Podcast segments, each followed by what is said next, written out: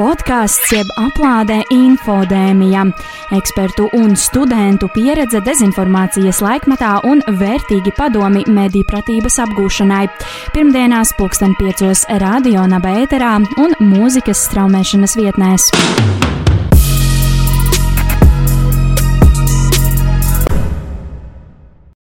Čau visiem podkāstu infodēmiju klausītājiem! Esiet sveicināti uh, mūsu šodienas uh, 11.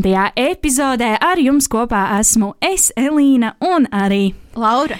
Un noteikti neaizmirsīsim mūsu šodienas viesi, Ventu Sīli. Un, kā jau jūs pēc, kā jau jūs pēc varat apskatīties pēc epizodes nosaukuma, šodien runāsim par postpatiesību. Un, un, un, un postpatiesība vispār kā termins, fenomens attiecas uz situāciju vai arī laikmetu, kurā sabiedrība drīzāk pakļaujas uz tādām emocijām un, un, un vairāk saviem uzskatiem nekā reāliem faktiem un reālu zinātni. Uh, jā, tad varbūt sāksim uzreiz ar uh, mūsu šodienas viesi Ventu Sīli, kā jau es minēju. Labdien! Labdien! Prieks visus redzēt, lai gan nevis redzēt, bet sajust. Labi. Uh, Jūsu jautājumu. Jā, uh, varbūt tad sāksim ar nelielu jūsu iepazīstināšanu. Jūs varat uh, pats par sevi pastāstīt, kā es redzu, Zoom fonā jau ir RSU jau, uh, jau, jau, jau uzlikts fons. Tā kā, tā kā varbūt arī jā, par šo darbību vairāk. Nu jā, nu, pamatdarbā es esmu Rīgas Tradiņu Universitātē humanitāro zinātņu katedrā. Nu, jau 20 gadu šogad tieši paliek. Uh, vēl es lasu lekcijas pasākumā Open Minded. Lūdzu, sekojiet līdzi, jo tur es daru lietas, kas ir uh, nu, patiesībā tāds tā kā avangards. Es mēģinu savienot zinātnē un zināšanas ar Uh, nu, tādu mūsdienīgāku pārspriedumu par cilvēkam aktuālām tēmām, tādām kā seksualitāte, tādām kā dzimuma lomas, tādām kā arhitekti un analītiskā psiholoģija. Jā, un tad es studēju par analītiskās psiholoģijas terapeitu un vēl arī mācos bakalaura programmā. Tāpat Latvijā ir arī psihologs, tāpēc, lai kaut kad varētu atvērt praksi, tad jums ir vajadzīgi visi šie diplomi. Tas ir tas, ko es daru. Reizēm rakstu publicistiku, reizēm jā, reizēm runāju kaut kur intervijās. Cilvēki man turpina kaut ko jautāt. Jā, šodien mēs varam runāt par postpatiesību, kas arī ir viena interesanta tēma, tāpēc, ka postpatiesībā mēs dzīvojam šajā postpatiesības situācijā. Un jautājums, ko tagad darīt ar to visu? Taisnība. Novēlam uzreiz jau veiksmus bakalaura grādu iegūšanā, un, un, un lai, lai izdodas arī atvērt praksi, piepildīt savus mērķus. Un tad, un tad jā, tieši tā parunāsimies tagad par postpatiesību. Nu jā, un viena no pirmajām lietām, ko šķiet var ievērot, mēģinot atrast informāciju par to, kas īsti ir postpatiesība, ir, ka principā tās informācijas ir ļoti daudz. Un es domāju, varbūt jūs varētu uh, mums pastāstīt gan mums, ar Elīnu, gan arī visiem klausītājiem, kā jūs izprotat šo jēdzienu? Nu, tas ir jēdziens, kur mēs vienkārši. Uh, es pat nesākšu ar tā terminu definīciju, kā drīzāk pateikšu, kāpēc tas ir svarīgi. Patiesība ir situācija, kur tajā brīdī, kad mēs jautājam, kas ir patiesība, mums nav vienas saprotamas atbildes. Mēs varam, protams, teikt, kā jūs to pareizi sākumā ievadā pateicāt, ka tā ir situācija, kur emocijām, pārliecībai ir varbūt lielāks pārsvars nekā faktiem. Problēma jau tāda, ka tajā brīdī, kad mēs jautājam, kādiem faktiem ir tādi fakti, tad ir šī tāda fakta, ir kaut kādi trešie fakti. Un beigās iznāk, ka ka te vai drošāk ir turēties pie savām emocijām, jo tās vismaz pašam ir skaidrs, ja, ko es jūtu par kaut ko. Bet tos faktus jau mēs piemeklēsim atkarībā no tā, kādas būs tās emocijas. Tas ir šī situācija, ka būtībā jēdziens patiesība ir pārstājis būt saprotams. Un tad uzreiz varbūt rodas arī tālāk jautājums, kā postpatiesība tad atšķiras no, nu, principā vienkāršiem meliem, un vai tā vienmēr atšķiras? Um, viennozīmīgi atšķiras, tāpēc ka tad, kad cilvēks melo, um, nu, kas ir slikti, bet uh, mēs nevaram nemelot, gal galā visiem jārunā ar priekšniecību, visiem ir jārunā ar uh, visiem. Citreiz nāks iekāpt ekspertu lomā. Tas ir būtiski saprast, uh, ka cilvēku, cilvēks var tikai censties nemelot, bet viņam sanāk samelot. Un mel, pirmais tāds nepatiesības formāts būtu godīga kļūda, kad cilvēks nezina, ka viņam nav taisnība. Nezina, ka viņam nav patiesība. Ja? Nu, tātad cilvēks var kaut kam ticēt, bet nezināt, ka tas, kam, kas, kam viņš tic, ir aplams. Un tad, ja viņam izskaidro, ka tas ir aplams, viņš saka, labi, un normālā gadījumā maina viedokli. Tad, kad cilvēks melo, tad cilvēks zina, kas ir patiesība. Protams, viņam ir skaidrība, bet viņš apzināti vai nu sagroza, vai nepilnīgi par to runā. Un visizplatītākais melu veids, protams, ir daļais noklusējums. Ļoti daudziem liekas, ka tas ir tāds nu, nevainīga lieta. Nu, kā es vienkārši nepateikšu, nu, ka tur, tur bija maza tāda sīka detaļa. Ja, kad, uh, un patiesībā šī sīkā detaļa būtiski maina to, kā mēs interpretētu visu pārējo informācijas kopumu. Tā kā sīka noklusēšana ir visizplatītākais melu veids, nevis kaut kāda fantāzijas sagudrošana. Teiksim, līdz Trumpa līmenim mums ir tālu, kur tiekties.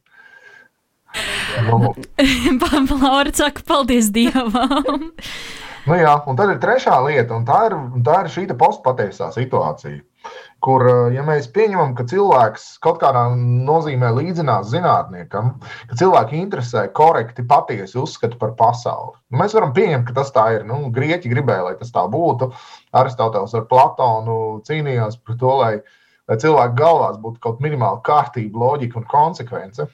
Viņi uzskatīja, ka tas ir tas etalons, ja, ka cilvēku galvā ir jābūt skaidrai priekšstatu sistēmai par pasauli un skaidrībai par to, kas ir fakts un kas nav, un kas ir tikai uzskats vai viedoklis. Tad šajā gadījumā interese par to, kas ir fakts, ir zudusi. Un svarīgi ir uh, paust viedokli, nerēķinoties ar to, vai tas ir patiesa vai nav. Un šī nerēķināšanās ir atšķirīga no melošanas. Jo cilvēkam patiesībā der gan patiesība, gan nepatiesība. Tad, kad patiesība atbilst viņa pārliecībai, super! Brīnišķīgi. Es runāšu, un es teikšu, faktiem ir liela nozīme. Kad neatbilst, tad es ieslēgšu. Tas ir tas, ko dara šī sazvērstības teorija uh, izplatītāji.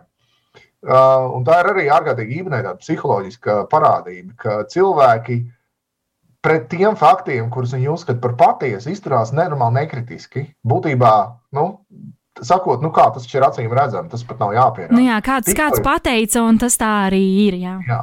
Tikko kā jūs mēģināt viņiem piedāvāt faktus, kas ir ārpus viņu patiesuma, šī horizonta, tā viņi tur ieslēdz kaut kādas nereāli grūtas patiesības testus, kurus faktiski šī informācija nemaz nevar izturēt. Un rezultātā viņi iegūst tādu priekšstatu, ka viņi ir šausmīgi kritiski domājoši. Patiesībā šī kritiskā domāšana ir pilnīgs fake un izkārtne, jo tā aizsadz viņi nespēja kritiski, kritiski padomāt un pieļaut, ka uh, ne viss, ko viņi tic, varētu būt patiesa. Bet nu, tā arī ir sarežģīta tēma. Vai viss, kam mēs ticam, ir patiesa? Nu, noteikti ne. Tā, tā tas varētu būt. Man atkal uh, uzrādās, uzrādās tāds salīdzinājums ar savu tādu ikdienas dzīvi, kad, uh, teiksim, uh, kad tu pasaki kādam, uh, kurš tic teiksim, šim te viedoklim, ka Covid uh, ir, uh, ir valdības izdomājums, lai tikai mūs uh, visus uh, izkliedētu, uh, un, uh, un tad viņiem uzjautā, no kurienes, kā, kas, ir, kas ir šo tavu uh, ziņu avots. Un tad uh, mēdz atsūtīt šos ziņu avotus, bet viņi parasti ir nu, nevis tiešām no tādām zinātniskām mājaslapām, bet nu, no tādām izklaides mājaslapām. Un tad šeit arī parādās, parādās pilnīgi tāds jautājums, tāds salīdzinājums, kurā mirklī, kurā mirklī tāda zinātniska mājaslapa pārto par tādu vairāk izklaides mājaslapu, un, un, un, un kurā mirklī tad kā robežojās šī patiesība un, un nu, jau vairs nepatiesība. Nu jā, un... Zinātniskās, ja man te kaut kas jākomentē, ja, ja, ja kāds. Jā, nē, ja jums ir komentārs, jūs droši varat iekomentēt. Nu, es patiesībā zinātnē vēlos nedaudz iemest tādu mazu ķieģelīti zinātnes dārziņā, tāpēc ka zinātne. Es kāpēc domāju, ka cilvēki tajā brīdī, tad, kad viņi gribēja zināt kaut ko, viņi ies pie zinātnieka, teiks, hei, zinātnieki, pastāsti man, kā tur īstenībā ir. Un varbūt tā tas ir bijis agrāk, bet mūsdienās, šo jauno mēdīju laikmetā, zinātniekiem pašiem ir jācīnās par to, lai viņi, viņus vispār kāds ņemtu pierējo. Sen tā vairs neviens Jo var sēdēt ziloņkalnu turnī un tēlot ne, nenormāli gudru cilvēku un, un domāt, ka tagad kāpēc pasaule man nenāk prasīt viedokli. Viņš arī nenāks. Tāpēc, ka mūsdienās par, par tiesībām būt pārstāvētam mēdīju telpā un sabiedriskajā diskursā ir jācīnās. Un zinātnē ir jāspēj adekvāti konkurēt. Šī pandēmija parāda, ka zinātnē nav tik viegli konkurēt patiesībā ar izklaides lapām vai visādām mistiskām dezinformācijas lapām.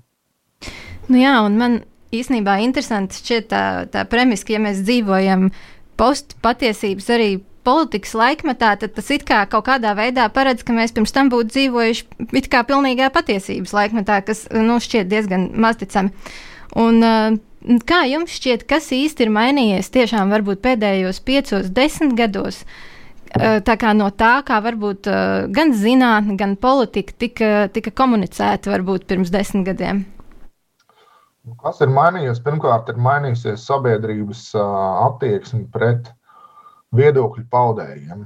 Jā, es piekrītu daļai, ka teiksim, situācija ar patiesību nekad nav bijusi ideāla. Nu, bet uh, tieši, tieši pēdējās desmit gadēs mēs visvairāk izjūtam, ka cilvēki daudz labprātāk, nezinu, ka patiesību viņi uztver vairāk nevis kā intelektuālu uh, fenomenu, bet kā sajūta fenomenu. Patiesi ir tas, kam es sajūtās savā piekrītu, kas atbild, atbilst manām sajūtām. Es tā jūtu, un tātad es tam piekrītu. Un tas, tas gan ir kaut kas tāds salīdzinoši jauns, jo, jo kādreiz cilvēki tomēr mazliet bija nu, kritiskāki pret savām sajūtām. Viņi teica, nu, es nezinu, es neesmu tur bijis, neesmu pārbaudījis. Un, uh, to ļoti labi izmanto visu veidu politikā uh, uzplaukušie populisti un gvelzē. Arī tāpēc, ka politika kaut kādā nozīmē uh, ir atņēmusi maizi stand-upam. Teiksim, nabaga stand-up komiķiem tur ir iespējams kaut kāda problēma ar to, tāpēc, ka nu, tu nevari pārtrumpot Trumpu. Tu nevari būt smieklīgāks vai trakāks par Trumpu. Trumps vienmēr izrādīsies vēl bijis trakāks. Nu, un tajā brīdī, kad tur notetovēt ragaini ķēmi tur vazājās pa, kaut kur pa kapitālī, tad tu sāc domāt, tā, nu, es laikam neko, man tālāk ideja nav. Ja, nu, nezinu, lidojot ar šķīvīti sarkanajā laukumā, bet arī tas vairs nešķiet gan attraktīvi. Ja, nu, nu, ko mēs vēl varētu izdarīt? Līdz ar to brīdī, kad politiķi noķēra, ka viņi konkurē nevis ar, ar citiem politiķiem, bet ar izklaides žanru ka politiskā komunikācija lielā mērā ir tas pats šovs piekdienas vakarā, ja tur vai tas ir pavāra šovs vai tas ir. Nu, kaut kāda tur bija attiecība šovis, piedodiet, nezinu, nesakoju līdzi, kas tur kur lauku sētās, ar kuru guļ un kuru ar, tas, ar ko ar, ar ko guļ, es nezinu. Jā. Bet, uh, bet tā arī ir sava veida izklaide. Jā, nu, es neapšaubu un neliedzu cilvēkiem to visu patērēt un tā tālāk, bet politiķi ir, nu, teiksim, Mūsu pašu populisti, tur KPLV, kaimiņš tagad, kurš ir kaut kur nezinu, iekritis, bet gobzems, visi ir sapratuši, ka svarīgi ir spilgti uzstāties uh, kaut ko skaļi bļaut pārsvarā pret eliti, tāpēc, ka nu, cilvēkam, ikdienas mierīgam cilvēkam, viņam vienmēr būs neliela apvainošanās uz valdību, uz sabiedrības elitu par to, ka viņš nav šīs valdības daļa un elites daļa. Nu, līdz ar to tāda ļoti primitīva sajūta, nu, kā valdība tev dara pāri. Nu, protams, ka tev dara pāri valdība. Nu, nu, ja kāds tev dara pāri, tad tā ir valdība. Ja ne, ja ne valdība, tie noteikti ir geji, tāpēc, ka tie, nu, tie ir briesmoņi vai ne, un tam līdzīgi. Un, ja tie nav geji, tad ir vēl kaut kādi, nu, atradīsim citus, nu, teiksim, kaut kādi migranti. Par to atcerieties, bija drausmīgas bailes par to, ka Latvija tūlīt bēgļi pārpludinās. Viss bija tur šausmīgi nopietni, tūlīt dzimteni ir jāiet aizstāvēt. Nu, nav to bēgļu, neviens te negrib braukt. Nav, nav tā mūsu dzimtā zemīte tik iekārojama, kā mums pašiem liekas. Ja, un tad šis te gvelšanas moments, kur es caur attraktīvu viedokļu paušanu varu gūt fantastisku popularitāti, Un būtībā cilvēks jau sen neinteresē, vai tas, ko es tur runāju, ir patiesība. Galvenais, ka es forši runāju, es māku uzstāties. Un tas ir populismu pamatā. Tur, ja, problēma ar populistiem ir tāda, tikko jūs viņus ievēlat, tā viņi sāk momentā nežēlīgi apkarot jebkuru brīv, vārdu brīvību, tāpēc ka viņa princips ir tāds, mans viedoklis vienlīdzīgs ar tautas viedokli. Tāpēc to sauc par populistu. Tad, runājot vai uzstājoties pret mani, jūs uzstājaties pret tautu. Mums pašai tautai nav ne mazākās sajēgas, vai, vai tiešām ir tas viņa viedoklis vai nav. Bet viņi prot radīt šo iespēju, ka es runāju tā kā tautas vārdā. Un tad, tad, kad tauta nāk pie varas, tad kā? Tev ir kaut kāds cits viedoklis, tu kaut ko citu gribi. Pastudējiet visus totalitāros režīmus, visi viņi nāk ar šo devīzi. Tautas vārdā mēs tagad gāzīsim elitu, mēs nogāžam elitu. Visi tie, kas iebilst, ir pret tautu, mēs viņus vienkārši nošaujam te pataisu stūri. Un nodibinām fantastisku diktatūru, diktatūru kur, protams, nevienu vairs neinteresē ne, ne, ne tautas viedokļi, ne citi viedokļi, bet tikai tas, kur paliek nauda. Tā kā uh, Dārgie draugi, tajā brīdī, kad jūs ievēlat populistus, jūs zinat, ka jūs ievēlat cilvēkus, kurus neko, nekas cits vairs neinteresē, izņemot naudu. Tos iepriekšējos politiķus arī bieži vien naudas jautājumi pārāk satrauc, bet uh, ar populistiem tas ir garantēti. Tā. Šis bija ļoti, ļoti tāds labs rollercoasters, kur, kur, kur aizgāja, jā, un, un, un, un interesanti. Es, es par šo pat nebiju iedomājusies. Jā. Nu, Īsnībā es tieši, kad jūs sākāt stāstīt par populistiem, uh, viens komentārs, kas uh, pēdējā laikā tiek izteikts saistībā, piemēram, ar Donaldu Trumpu, ir, ka viņa visām populistiskajām un ļoti, ļoti izteikto melu tendencēm ir nākusi par labu sociālā nevienlīdzība, kas arī pastāv Amerikā. Kā jums šķiet, vai, vai mums Latvijā tā arī varētu būt, teiksim, kaut kādā mērā nu, populismu veicinošs faktors? Nu, nešaubīgi, sociālā nevienlīdzība pieprasa uzdot jautājumu, kas ir vainīgs manas dzīves neveiksmēs. Nu, kurš tad no mums ir gatavs teikt, nu, es vainīgs, tāpēc, ka es tā vietā, lai mācītos vidusskolā, aizgāju tur ar džekiem dzert un dzīves ķert. Nu, tad, kad mēs tur esam padzēruši kādus gadiņus, pastrādājuši celtniecībā vai kaut kur citur, tur padauzījušies pa pasauli, nodokļus nesam maksājuši, mums ir jau pāri 30 viegli sabeigt veselību, grūtības atrast darbu. Uh, un, un mums ir sociāli diezgan smags stāvoklis, kurš pie tā ir vainīgs. Nu, es vai tad? Nu, kā tad es varu būt vainīgs? Es taču esmu cikuzītis, ar mani viss ir kārtībā. Vainīgi ir tie tur, kas nav par mani pratuši parūpēties. Nu, šāda veida infantīla domāšana, šāda veida nespēja pašiem saprast, ka nu, neviens nevienam neko nav parādā, ka valsts nav kaut kāda aukla, kuras uzdevums ir mainīt pampers tiem, kas nesaprot, ka nevajag biksēs čurāt. Nu, Šajā nozīmē cilvēku infantīlismam jau robežu nav. Tas ir iemesls arī, kāpēc Amerikā tāds trāms var būt populārs. Tāpēc, ļoti viegli pateikt, ja meklēt vainīgu ārpus sevis, tajā brīdī, kad galvenā problēma ir tev, tevis paša pieaugšana. No otras puses, šeit nevajadzētu arī idealizēt nec politisko sistēmu, nec valdību. Valdība un politiskā sistēma arī ir sava laikmeta, savas sabiedrības produkts. Un, un arī tur ir ļoti liels pamats kritiskam dialogam ar viņiem. Taču teiksim, uztvert valdi kā šo te, uh, valdību un valsti kā auklīti, nu, ir, ir kļūdaini. No otras puses, valstī un valdībai uztver pilsoņus kā tāds nodokļu govis. Uh, lai gan, starp citu, tas pat varbūt nebūtu tāds skan cīniski, bet tas varbūt nebūtu sliktākais variants, ka Nu, vismaz ganiem ir skaidrība, ka govs reizēm vajag izlaist zaļā pļavā, paganīties. Nu, tāpēc, ka tā piena vairāk, nu, tur ir tā mehāniski, kur pretīm valdībai reizēm liekas, ka nu, tas jau nekas, ka jums te visiem krīze, ka jūs te gadu nevarat normāli pastrādāt. Nodokļus te vajag maksāt, vai ne? Taisnība. Nu, Nu, jā, nu, tajā brīdī, kad, kad mums visiem ir krīze, nu, varbūt varēja padomāt par, par lielāku pretīmnākšanu cilvēkiem, kas vienkārši nespēja samaksāt ikdienas rēķinus un tā tālāk. Uh, Un šajā brīdī, kad uh, cilvēks jūtās savās, savas dzīves, nu, viņš sasniedz to vilšanās punktu, kur viņš saprot, ka nu, ir tā un labāk īsti nebūs. Un kāds viņam pasaka, ka vainīgi ir tie un šitie, un ka, ka varētu problēmas atrisināt, uh, iznākot ārā, pamītiņot un pabļājot, lai atlaistu saimu. Uh, Ziniet, to, to īsto ar to jēburtiņu, tur saimā ir jēburtiņš. Eh, un ka visa valdība ir nodevēja, un, protams, zagļi, jo kāda citādi tas var būt. Man ir nozagta, man ir rītdiena. Eh, tad tas ir tāds vieglākais risinājums. Es domāju, grūtākais risinājums šeit ir eh, katru dienu kritiski izturēties pret sevi un pasauli. Sevi. Pirmkārt, neļaut apmuļķoties, neļaut neuztvert valdību arī kā tādas, tur, nu, vienmēr, kas vienmēr zina, ko dara. Arī tie tur reizēm nošāva garām. Tāpēc es joprojām nesaprotu, kāpēc zeķis var nopirkt, bet ne apakšbiks. Neviens man to nav izskaidrojis. Tas, Kāpēc? Eh, tas pats ir ar. Eh, man, man ļoti patīk, man ļoti patīk, ka nevar nopirkt eh, foliju, bet var nopirkt cepamo papīru. Jā, tas, tas arī jā. ir labs. Nu, tāpēc, ka folijas redzēt cepurītēm svarīgs. Ah, jā, pareizi īstenībā.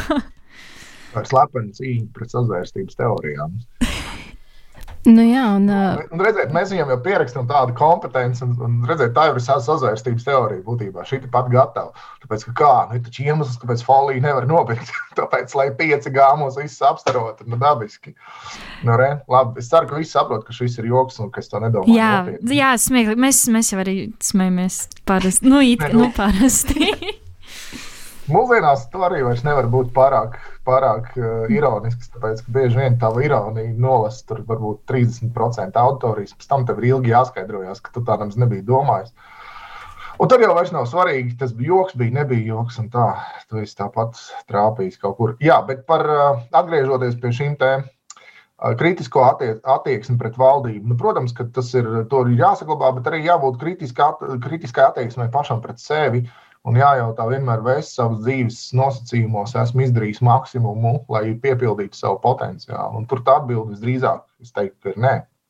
Un nevis tāpēc, ka mēs, mēs būtu visi kaut kādi naivi bērni sabiedrībā, bet tāpēc, ka pieauguša cilvēka dzīve ir daudz sarežģītāka nekā mums bieži vien liekas. Tā nav. Tas, tas būtībā tā ir arī spēja paciest grūtības un, un spēja no sarežģītām situācijām iegūt kaut kādas mācības. Nu, teiksim, krīze šai ziņā ir brīnišķīga iespēja kaut ko iemācīties. Vai mēs to darām? Nu, visdrīzāk, ka nē. Ja, bet, lai gan arī, protams, šis vispārinājums ir nekorekts, neviens vispārinājums nav pilnīgi korekts, starp citu. Tāpēc tas ir tikai vispārinājums. mēs, eh, es teiktu tā, ka mums, mēs tā arī nesapratām, ka šī krīze ir par solidaritāti. Par spēju saliedēties ļoti dažādiem cilvēkiem par kopīgu mērķi un kopīgu rezultātu. Un tajā brīdī, kad uh, kāds izmanto šo nespēju sabiedrību. Patiesībā tas ir vājais punkts sabiedrībā. Tas ir tas iemesls, kāpēc visi tie, kas aicina protestēt pret valdību, pret covid, patiesībā nodara daudz lielāku kaitējumu nekā vienkārši pauž savu brīvo, brīvo viedokļu brīvību, kas uz ko viņiem nešaubīgi ir tiesības. Tas, ko viņi būtībā saka, ir, ka uh, solidarizēties tikai muļķi, solidarizējas tie, kas ir apmuļķoti un kas ir apkrāti. Ja, un, un šis te uh, kaitējums ir daudz lielāks, jo tas būtībā iedzen tādu, nu, izveido nepārvaramu plaisu. Ka pat pēc tam, kad šis viss beigsies, nu, kā tu pēc tam runās ar to kaimiņu, kur tu esi apsaukājis par kretīnu, tāpēc, ka viņš ir vai nu valkājis masku, vai nav valkājis masku, jo tur jau vairs nav starpības. Tāpat, kā, kā jau mums te ir pierasts, ja karotītes atradām, bet trūkums palika. Kā tajā anekdotē, jūs cerams, zinat. Un, tā. Jā, viens aspekts, ko uh, es vēl gribēju paspēt arī jums pavaicāt, kamēr mums vēl ir mazliet laiks, kā, kā žurnālistikas students, ir, ka, manuprāt, mūsdienās vispār satura veidotāji aizvien vairāk domā no tādas tā kā, perspektīvas un prizmas, ka Vai kāds vispār izlasīs līdz galam to stāstu, vai noklausīsies līdz galam to ziņu raidījumu? Līdz ar to mums viss ir maksimāli jāsaīsina un jānoreducē. Un bieži vien kaut, kas, kaut kāda svarīga informācija, principā, un konteksts pazūd, pazūd tulkojumā. Principā no tādas vēlmes visu maksimāli ātri un maksimāli saīsināt. Un, vai jūs domājat, ka, ka šī tendence turpināsies, vai varbūt cilvēkiem sāks vairāk interesēt arī kaut kādi paplašinātie skaidrojumi, vai tas ir aizbraucis vilciens? Es domāju, tas ir mēdīju lietošanas rezultātā, jauno šo iemaņu, jauno tehnoloģiju rezultātā radies būtībā sabiedrības dalīšanās princips. Un dalīšanās princips ir salīdzinoši nejauks. Tas ir cilvēki, kas spēj izlasīt garas tekstus, un cilvēki, kas nespēj izlasīt garas tekstus. Un šī dalīšanās mūs noved pie tās situācijas, ko aprakstīs Juvāls Harārī savā darbā 21 lekcija 21. gadsimtam, tā to latvisko, bet nu, nu, tas nosaukums angliski mazliet citādāks. Tur viņš raksta par to, ka nākotnes sabiedrība būtībā sadalās cilvēkos, kas ir spējīgi strādāt apmaksātu darbu apstākļos, kur lielāko daļu pašreiz esošās profesijas vienkārši aizvietos mākslīgais intelekts. Un tajā brīdī vienkārši visas tās autovadītāji, kasieri un visas citas profesijas, kas neprasa lielu izglītību, un intelektuālo piepūli un radošo piepūli, vienkārši kļūst nevajadzīgs. Un mēs iegūstam milzīgu daudzumu tā saucamo lieko cilvēku, lieko pēdiņās, lūdzu, neiedomājieties, ka es kādu tur tiešām diskriminēt mēģinu. Bet eh, lieko cilvēku tādā ziņā, ka nav nekādas jēgas viņus nodarbināt jebkurš mākslīgais intelekts izdarīs labāk. Mākslīgam intelektam nevajag pārtraukumu, nenogurst, neguļ.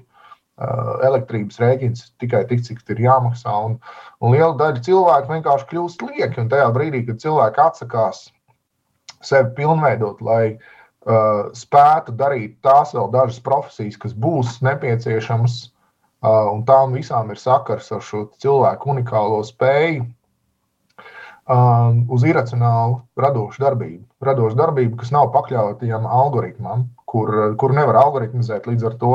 Uh, un otra lieta ir cilvēciskie kontakti. Uh, spēja, nu, teiksim, spēja vienkārši būt klāt un atbalstīt psiholoģiski, kaut kā citādi fiziski, ja, tāda rūpīga profesijas, ja tā mēs varam saukt.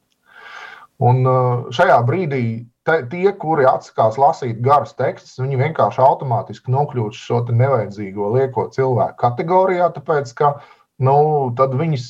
Es nezinu, vai viņiem maksās kaut kādu minimālo pensiju visu mūžu, vai bāzes ienākumus, vai kaut kā citādāk viņus tur aicinās. Bet viņiem vienkārši nav cerību dzīvot pasaulē, kur tu nevienam neesi interesants ar šo savu vienkāršo, nepaplašināto domāšanu. Tu esi vienkārši patērētājs, būtībā cilvēks, kuru visi mēģinās kaut kādā veidā, uz kuru rēķina visi mēģinās nopelnīt. Un tas ir iespējams tāds jaunais, jaunās pakļaušanas, jaunās pasaules kārtības stūrakmenis, kur tu no patērētāja kļūsti par preci. Ja? Jeb kā te joko sociālo tīklu sakarā, ja tas ir pa brīvu, tad visdrīzāk produkts esi tu pats, proti, tava informācija, tavs vēlmes un tā tālāk un vēlme nopelnīt, cilvēku, fokusējoties jau uz cilvēku uzmanību, uz to, kas viņiem patīk, uz to, par ko viņi gatavi maksāt, pavisam primitīvā, tādā nepaplašinātā veidā, padara mūs uh, ievainojums tā ziņā, tīpaši bērnus. Un jūs droši vien pamanījuši, ka, ka bērniem ir problēma ar datoru atkarībām, ar telefonu atkarībām, ar visu to. Kāpēc problēma? Tāpēc, ka tas saturs ir neatvērams. Viņiem nav instrumentu, ar ko pretoties šī satura ienākšanai. Tad, turpinot nebūvēt aizsardzības sistēmu, kas ir kritiskā domāšana, spēj iedziļināties garākos tekstos, spēj nepatērēt tikai vizuālu mediju saturu, bet arī intelektuālu mediju saturu. Tas ir saturs, kur nav bildīšu, kur ir garš teksts bez bildēm. Tā ir būtībā pašaizsardzības vajadzība. Bet to nevienam iestāstīt nevar. Tas ir kaut kā pašam jāsaprot. Tas ir uh, kaut kādā veidā jāiejau, jāieaudzina, varbūt, uh, varbūt ģimenē šis Jā. ne, neslinkums. Jā, jā un, un radošā pretošanās, sauksim to tā. Jā, jā, tā to arī var saukt. Podkāstu infodēmija jau, jau, jau ātri tuvojas beigām, bet uh, mums ar Lauru bija tāds vēl uh, pēdējais viens noslēdzošais jautājums. Jā, bija. Grib, vēlējāmies noslēgumā pavaicāt jums ieteikumu, bet nu, jūs jau, protams, daļai to atbildējāt. Laikmetā, kad jēdziens patiesība kļūst aizvien izstieptāks, um, kāda ir jūs varbūt ieteikumi, kā ar šādu retoriku gan no politiķiem, gan varbūt no kaimiņiem, ja kādam no mums tāda ir, uh, cīnīties cilvēkiem ikdienā, vai cīnīties, vai runāt pretī, vai iestāties par, par patiesību un par faktiem, vai ir jēga?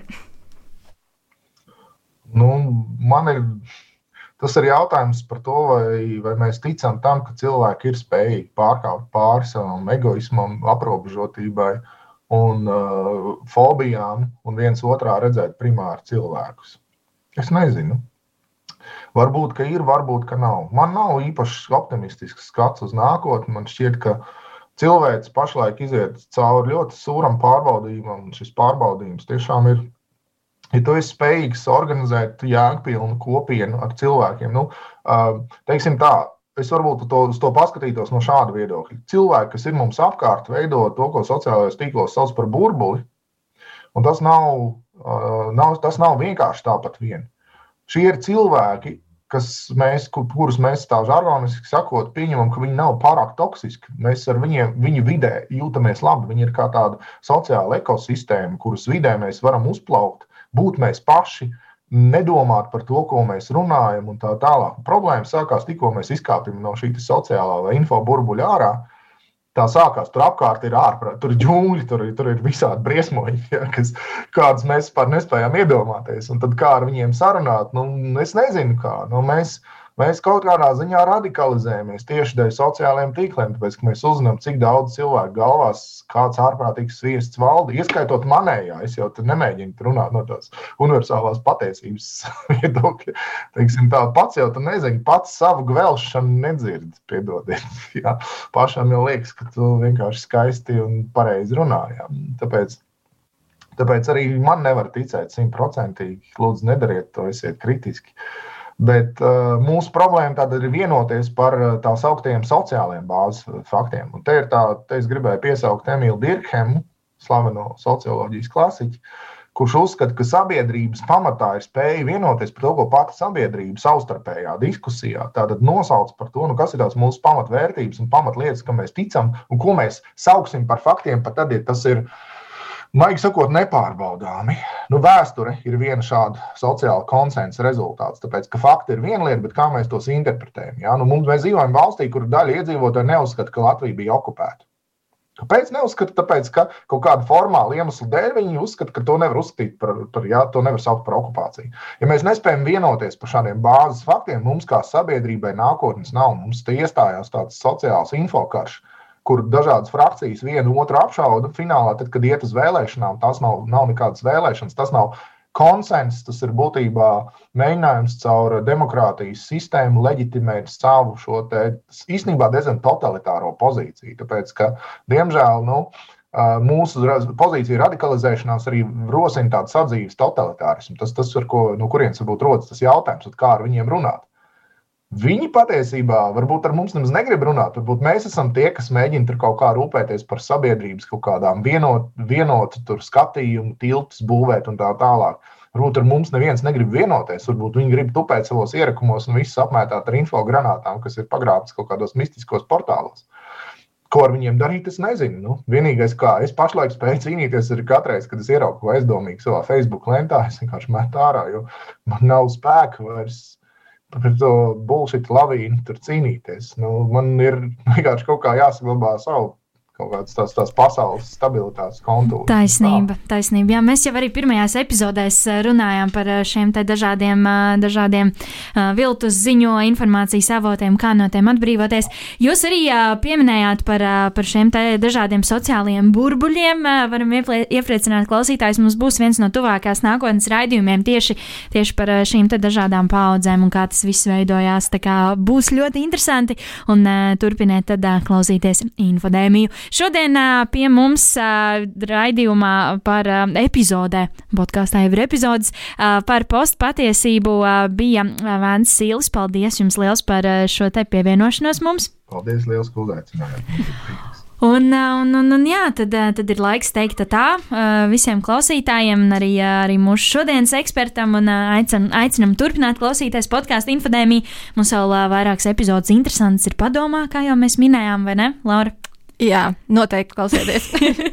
nu, jā, un, un tad kaut kā tā vēlreiz paldies liels uh, viesim mūsu šodienas, un tad tiekamies jau nākamajā reizē. Tā visiem! Atā! Uz redzēšanos, lai veicās! Podkāsts jeb aplādē infodēmija, ekspertu un studentu pieredze dezinformācijas laikmatā un vērtīgi padomi mediju pratības apgūšanai. Pirmdienās pulksten piecos radio nabēterā un mūzikas straumēšanas vietnēs.